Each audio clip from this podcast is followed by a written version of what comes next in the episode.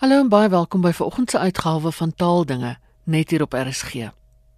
Professor Wannie Karstens van die NWU het onlangs die EB van Wyk Linguistiek erelesing by die Universiteit van Johannesburg gelewer. Sy tema was: Is daar nog iets te sê oor Afrikaanse verlede? Ek wil by hom weet hoe hy by die tema uitgekom het. Know, ek het uh, die afgelope tyd afgelope 6 jaar hard gewerk aan 'n boek oor die geskiedenis van Afrikaans. Die boek se naam is Die Storie van Afrikaans. En ek het aanvanklik gedink dat ek 'n boek gaan skryf wat nou omtrent alles vat wat in Afrikaans geskryf is en wat oor Afrikaans geskryf is. Maar weet jy, as 'n mens aangaan met jou navorsing, dan kom jy agter jy is maar net 'n brose mens en jy kan ook maar net doen wat jy kan doen in die tyd op jou beskikking. En dit het vir my duidelik gemaak, ek moet vrede maak met wat ek in die boek kan sit.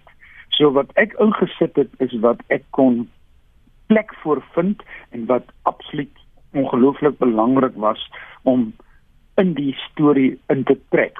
Maar die detail van baie goed kon ek nie doen nie. En daarmee het 'n enorme klomp gapings gekom. En uh, dit is toe ek nou gevra is om die lesing by die Universiteit van Johannesburg te gee, het ons besluit kom ons praat daaroor. Wat kan nog gesê word oor Afrikaanse verlede? Is alles gesê en ek kan eerlikwaar sê na hierdie lang tyd wat ek spandeer het, die gapings is so wyd soos waarnuisdeure waaroor nog gesê kan word. Mense het enorm baie gepubliseer in Afrikaans, ons moet dit weet. Maar uh as 'n mens objektief kyk wat gepubliseer is, dan besef jy van die goed is verouderd.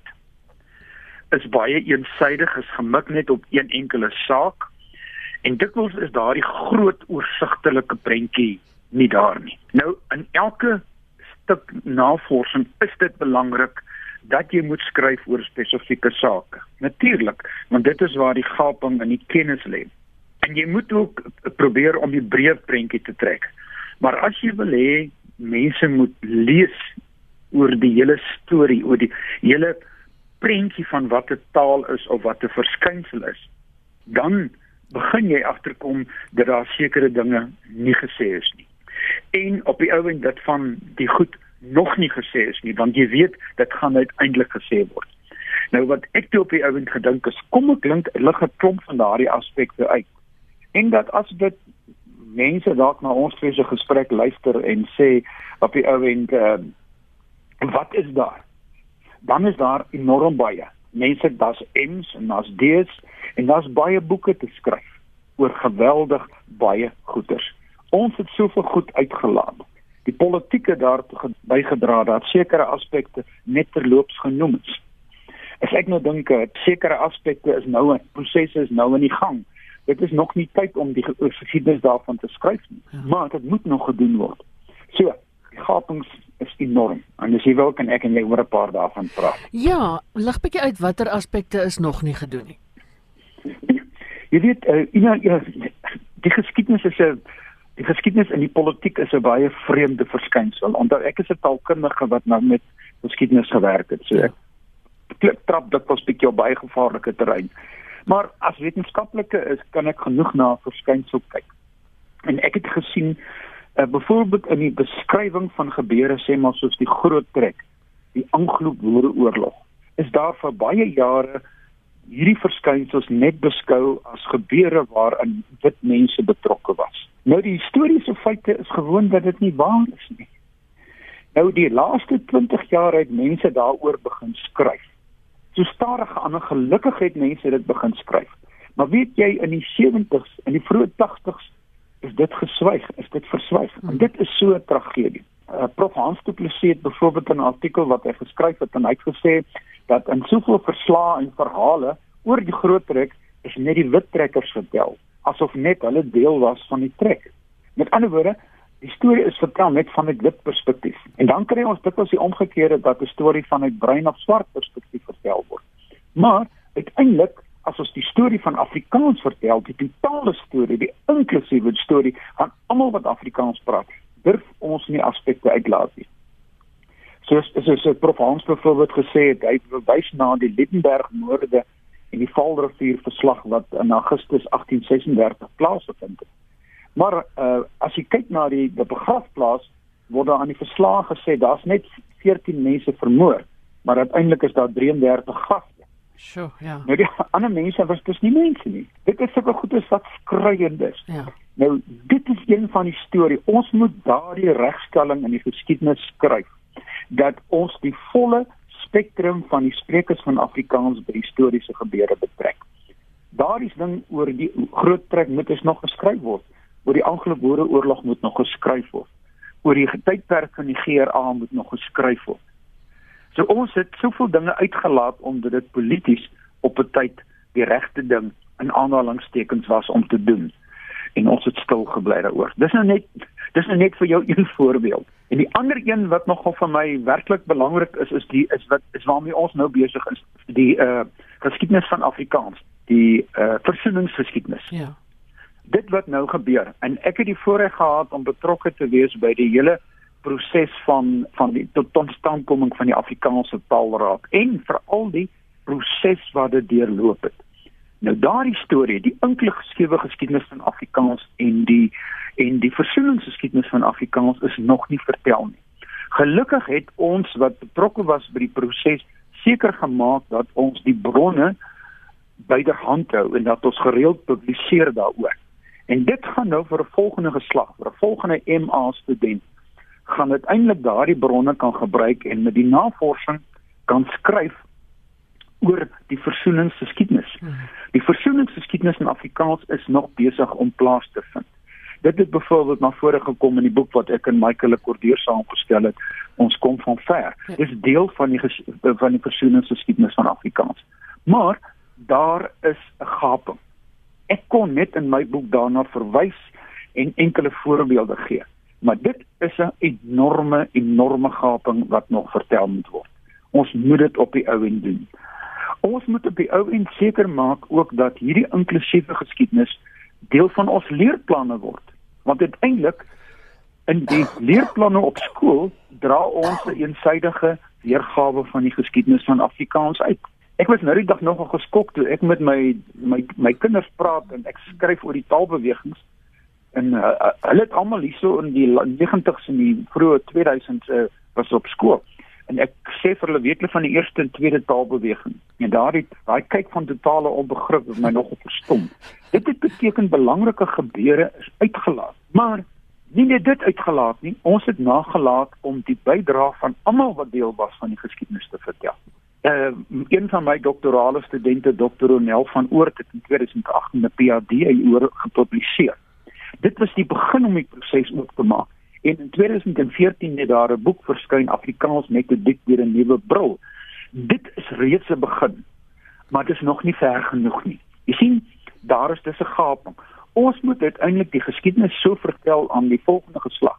En dit is die skoolkinders van vandag dat hulle in staat is om dit wat in die verlede fout gegaan het, in die toekoms nie te herhaal nie.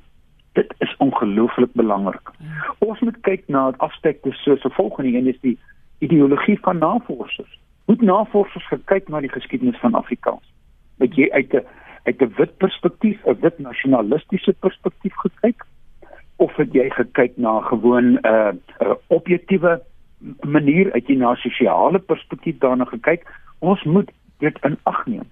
So uiteindelik as ons sekere werke van van die ou skrywers oor Afrikaans bekyk, moet ons weet hoe ernstig moet ons dit neem? Wat dit in die apartheidsfase geskryf, die fase van ons met apart lewe? Dit is belangrik, ja. want dan eintlik bepaal dit hoe ons daardie stuk geskiedskrywing beoordeel. En as dit nodig is, moet daardie geskiedenis oorgeskryf word. Ons weet nog nie heeltemal werklik wat is al die bydraes wat die bruin gemeenskap, die swart gemeenskap, die indiër gemeenskap en ook die moslim gemeenskap oor Afrikaans uh, geskryf is nie. Ja. Daar is 'n hele klompie bronne, maar daar is nog nie 'n geïntegreerde een nie. Dit een wat alles mooi saamvat. Ja, ja. Ek dink onlangs het 'n uh, eh, professore uh, Charlotte Dias en Frank Hendricks, hulle het in uh, 2016 'n boek uitgegee, Kaaps en Fokus. Ja, ja. En Frank se uh, Frank het in 2017 'n boek uitgegee, Taalkundige Essays, Gerf uit die vroegskemer. Ja waarin van hierdie aspekte saamgevoeg word en ook aan ons kom van ver en ook aan ander boeke. Maar wie ons vir ons ontda ontbreek nog die groot storie, die geïntegreerde storie. En vir my is dit belangrik dat hierdie storie, hierdie navorsing gedoen moet word, die lede van daardie gemeenskappe self, nie deur navorsers uit die wit gemeenskap nie, want dan skryf jy uit die binnekant van die gemeenskap. Ons ontbreek nog daardie groot geïntegreerde werk oor die bydrae van die slawe en die Afrikaans in die moslim gemeenskap. Mm. Daar's 'n paar ens en diadees daaroor gedoen soos op se enkele boeke wat. Maar ons wil nog baie weet. Ons weet nie genoeg nie. Partykeer is mense baie verbaas as 'n mens sê maar die eerste boek wat in Afrikaans ges geskryf is was 'n moslimboek. Ja, hy was, hy was. Hy was uit uit uit baie belangrike aspekte van Afrikaans aangeraak. Maar hy het nie die groot storie geskryf ja. nie. Hy het geskryf oor die bydraes. En baie van hierdie gepubliseerde bronne is nie in die reg is nog nie in die volle prentjie geplaas nie. En dit is hoekom ek sê, jy nou, soos 'n mens aangaan, dan sien jy, ag, oh, daar is iets daaroor geskryf. Maar om eerlik te wees oor die geskiedenis van Afrikaans moet ons die volle prentjie skryf. Ons weet dit nog nie. Ek weet byvoorbeeld uh, iemand sê op 'n stadium vir my in die gebreingemeenskap is daar 'n enorme verskywing in Engels aan die gang. Dit beteken in die breingemeenskap begin die mense wegbeweeg van Afrikaans. Mm. Nou sê ek, maar waar is die navorsing om dit te staaf? Dan sê iemand van my oor dis persepsies. Maar jy weet ons kan nie met persepsies werk nie. Kom ons doen dan navorsing. Ja. Kom ons gaan vind feite. Is dit so dat die dat die dat die mense uit die uit die Afrikaanse streke uit die breingemeenskap besig is om Afrikaans te verlaat? En as dit die geval is, dan het dit 'n beduidende impak op die Afrikaans van die toekoms, want onthou, die grootste 'n groep moedertaalsprekers van Afrikaans is mense uit die breingemeenskap. Ja. As die mense dan oorgaan na Engels, hoe gaan dit Afrikaans raak? Maar dis weer 'n persepsie, dis iets wat iemand sê, waar is die feite? Daar's navorsing om te doen. Ek kyk byvoorbeeld die laaste tyd as daar baie geskryf oor dat ons Kaapse onderwystaal moet maak, die Kaapse variëteit. Nou, wat is die voor en die nadele daarvan? En iemand soos Michael Cordier het baie oor geskryf en ook in die boek van Kaaps en Fokus is daar artikels hieroor. Maar ons het nog nie 'n dringende behoorlike diepgaande studie hieroor gedoen nie. Hoekom moet dit gedoen word? Wat is die voordele? Wat is die nadele daarvan? Dis belangrik dat dit ondersoek word en ek het geen probleem daarmee. Want uiteindelik kan Kaaps van vandag oor 30, 40 jaar dalk die standaardtaal van daardie tyd wees. Ja. Ons weet nie, maar aan die hand van taalkundige insigte en kennis moet ons dit gaan ondersoek. So mense sê dit gaan gebeur. Nou is die vraag, gaan dit gebeur aan die hand waarvan sê ons? Ons moet dit doen. Ek weet dat iemand soos Dr Gerda Orendal het 'n pragtige studie geskryf in 2012 oor 'n uh, herstandardisering. Nou, dis 'n belangrike tema want uh, 'n taal gaan deur 'n standaardiseringsproses. Dit beteken hy neem bepaalde funksies aan en hy word dan soos ons sê gekodifiseer. Jy skryf van die grammatika en spelling in woordeboeke. Maar nou het Gerda geskryf oor herstandardisering. En nou begin dit al meer 'n tema word in die Afrikaanse taalkunde. Maar dis nou 6 jaar na Gerda studie gedoen het.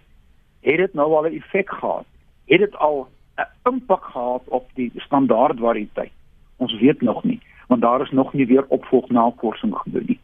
Want herstandardisering van Afrikaans is gewone feit. Dit gaan gebeur. Maar hoe dit gaan gebeur en wat die langtermyn impak gaan wees, weet ek nie. Maar hier is 'n gaping vir iemand om dit te gaan ondersoek. Ons weet nog nie. Gaan dit ons standaardvariëteite raak? Gaan dit nie standaardvariëteite raak? Ons weet nog nie. Dink professor Dink professor die proses van herstandardisering is 'n bewuslike proses of is dit 'n natuurlike ontwikkeling soos wat taal ontwikkel? Hy is gewoon 'n natuurlike proses. Byvoorbeeld die die die hele gedagte raak in 'n Kaapse onderwystaal gaan daar 'n rol speel, uiteraard. Maar jy weet te tydjie terug was daar op Litnet 'n artikel van uh, van van 'n iemand uit die breingemeenskap wat geskryf het gesê, "Maar julle praat oor Kaapse onderwystaal, maar hierdie taal is nog nie gestandaardiseer nie." Ja. En onmiddellik sê hy vir jou, uh, reg, as dit nog nie gestandaardiseer is nie, wat moet dan gebeur? Vir Kaaps om as 'n onderwystaal te word, te word moet dit deur standaardiseringsprosesse gaan. Mm -hmm. Dan moet dus 'n grammatika ontwikkel word, dan moet gespel. Dit is dis 'n fantastiese terrein vir studie vir iemand wat dit wil ondersoek. Maar dit uh, is 'n natuurlike proses. Ja. Ja. Uh uh as 'n mens kyk in die AWS ook, hoe al hoe meer het woorde uit Kaapse Afrikaans uit Muslim Afrikaans deel geword van van van die woordeskat in die Afrikaanse woordelys en spelreëls en dit beteken dis gewoon aan opgeneem in die standaard woordeskat. Ja. Dit is 'n natuurlike proses. Maar ons vanuit taalkundige perspektief wil sê ons praat hiervan nou ja, wat gebeur verder? Hoe gaan dit verloop? Ons weet nog nie. Ons gesels vanoggend oor die navorsingsgapings wat nog bestaan in die geskiedenis van Afrikaans. My gas is professor Wannie Karstens. Nog 'n wonderlike aspek is ons praat dikwels oor Afrikaanse verskeidenheid en mense praat Namakwalandse Afrikaans, Boesmanlandse Afrikaans, Kaapse Afrikaans, Transvaalse Afrikaans, Vrystaatse Afrikaans ensovoorts. Maar weet jy, wyle professor Christoffel Rensburg se ongelooflike navorsing oor die historiese variëteite van Afrikaans daar een wat hy gepraat het oosgrens Afrikaans, Kaapse Afrikaans en natuurlik Oranje rivier Afrikaans. Ja. Het vir ons nuwe visies oopgemaak. Maar daar het nog nie 'n studie plaasgevind wat iemand hierdie drie historiese variëteite vat en kyk watter impak het dit op soos ons sê die sinkroniese variëteite van vandag. Hoe lyk dit? Hoe dit ontwikkel? Hier is 'n gaping en ek wens ek het nog tyd gehad. As ek dink aan Prof Rensburg se werk oor Griekwa-Afrikaanse Rigtersveld se Afrikaans. Hierdie studies is in die 80er jare gedoen. Ja. Ons is nou amper by 2020. Het nou tyd verloop. Het daar al verskuiwings in daardie gevarieteite voorgekom? Indien wel, watter mate? Ons weet nie. Hmm. Dit Prof van Rensburg se se navorsing het byvoorbeeld gelei dat dat daar heelwat werk skielik in Griekwa-Afrikaans begin verskyn het soos Prof Hans Plessis se werk. Ja, ja. Thomas Deeken se werk. Maar daar is nog nie 'n studie gedoen van wat is die impak nou dat ons weet van die historiese variëteite, wat is die impak van daardie kennis op die variëteite van vandag nie. Daar wag 'n boek vir iemand om geskryf te word.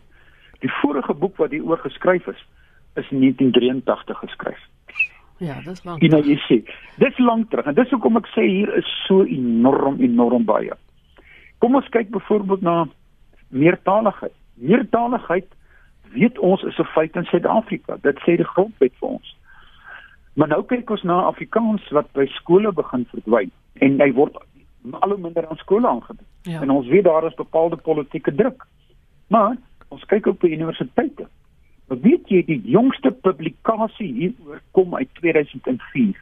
Dis van professor Frans van Reisburg waarvan hy redakteur was Afrikaans lewende taal van miljoene. Ja. Jy nou ja. dis 14 jaar later, wat het in hierdie 14 jaar gebeur? Daar's 'n paar artikels daaroor geskryf, maar as ons uiteindelik wil hê mense moet omvattend daaroor lees, moet ons deeglike deeglike navorsing daaroor doen. Ons het dit nog nie. En op die ouend, hoe gaan veeltaligheid Afrikaans raak? Is veeltaligheid Afrikaans 'n oplossing? Die ding een, maar ons weet nog nie hoe nie. Wat moet gedoen moet word? Hoe gaan ons seker maak dat in hierdie land veeltaligheid aanvaar word? Ons praat daaroor. Maar daardie groot werk oor meertaligheid, presies wat dit is en hoe dit vir Suid-Afrika ons taalprobleme gaan oplos, moet nog geskryf word. So jy kan sien, Ja. sien ons moet nou nog kyk hoe hoe Afrikaans afgeskaal in skole Ja. en aan universiteite. Wat het daartoe gelei? Raak dit Afrikaans se toekomspotensiaal? 10 teen 1 ja, maar ons weet nog nie hoe nie. Nog 'n onderwerp. Mense sê vir jou dat Afrikaans 'n taal van die toekoms. Ja, dis dis nog 'n interessante vraag. Ja. Ek dink Afrikaans is gaan dit al van die toekoms wees. Maar weet jy as jy met Afrikaanse mense praat, is mense geweldig moedeloos daaroor en mense begin sê ag man ek moet miskien maar my kind in Engels laat leer want ek gaan in elk geval immigreer. Dit is wat mense sê. Nou, wat moet ons doen? Nou ek het in my boek het ek 92 dinge aangeteken. Gewoon deur net te lees en te luister wat mense sê, Ja. wat jy wel kan doen. Maar nou die feit is is my 92 sake korrek. Het my nie misreken nie. Of moet elkeen van daai aspekte nie indringend ondersoek word nie. So daar is nog iemand wat 'n indringende studie moet doen om vir ons te gaan kyk hoe besweer ons moedeloosheid moedeloosheid oor die taal se toekoms dat ons vir die Afrikaanse sprekers kan moed gee. En dan het nogal wonderlik uh, die jong skrywer Mercy Kannemeyer het onlangs in 'n artikel geskryf. Sy het gesê sy as jong Afrikaanse mens wat trots is om Afrikaans te wees en die belangrikheid van moedertaal onderrig besef, ek glo ek die Afrikaanse gesprek kort 'n vars invalshoek. Wat is daai invalshoek? Ons weet nog nie. Ons het nog nie genoeg jong mense se stemme gedoen ons nie. Hoe maak ons seker ons hoor die stemme van die jong mense? Hoe hoe maak ons seker ons hoor die stemme van die bruin gemeenskap, die swart Afrikaanse gemeenskap en so voort. So Ina, jy kan sien dis so enorm enorm enorm baie om te sê hoeveel gapings en ek daag mense uit. Miskien net 'n laaste enetjie as jy as jy ja. die tyd vergun. Ja, ja. Is die is die kwessie van kreolisering. Jy weet kreolisering is nogal soms omstrede. Dit was omdat ons nie die term reg verstaan. En kreolisering gaan maar gewoon om die ontwikkeling van 'n taal in 'n bepaalde fase en wie almal deelgeneem het daaraan. En mense soos professor Hans ten Besten en professor Paul Roberts van Amerika en, en die soort van mense het wonderlike werk daaroor gedoen. Maar vir baie jare is daar nie geluister daarna nie. In die afgelope tyd begin ons skielik sê maar, "Jo, is hierdie mense nie reg nie?" En wie wat is die rede daarvoor? Daar kom meer data na vore. En omdat daar meer data na vore kom, kan ons beter afleidings maak. Dit was professor Wannie Karstens van die NWU. daarmee is dit tyd om te groet en van my Ina Strydom groete tot 'n volgende keer.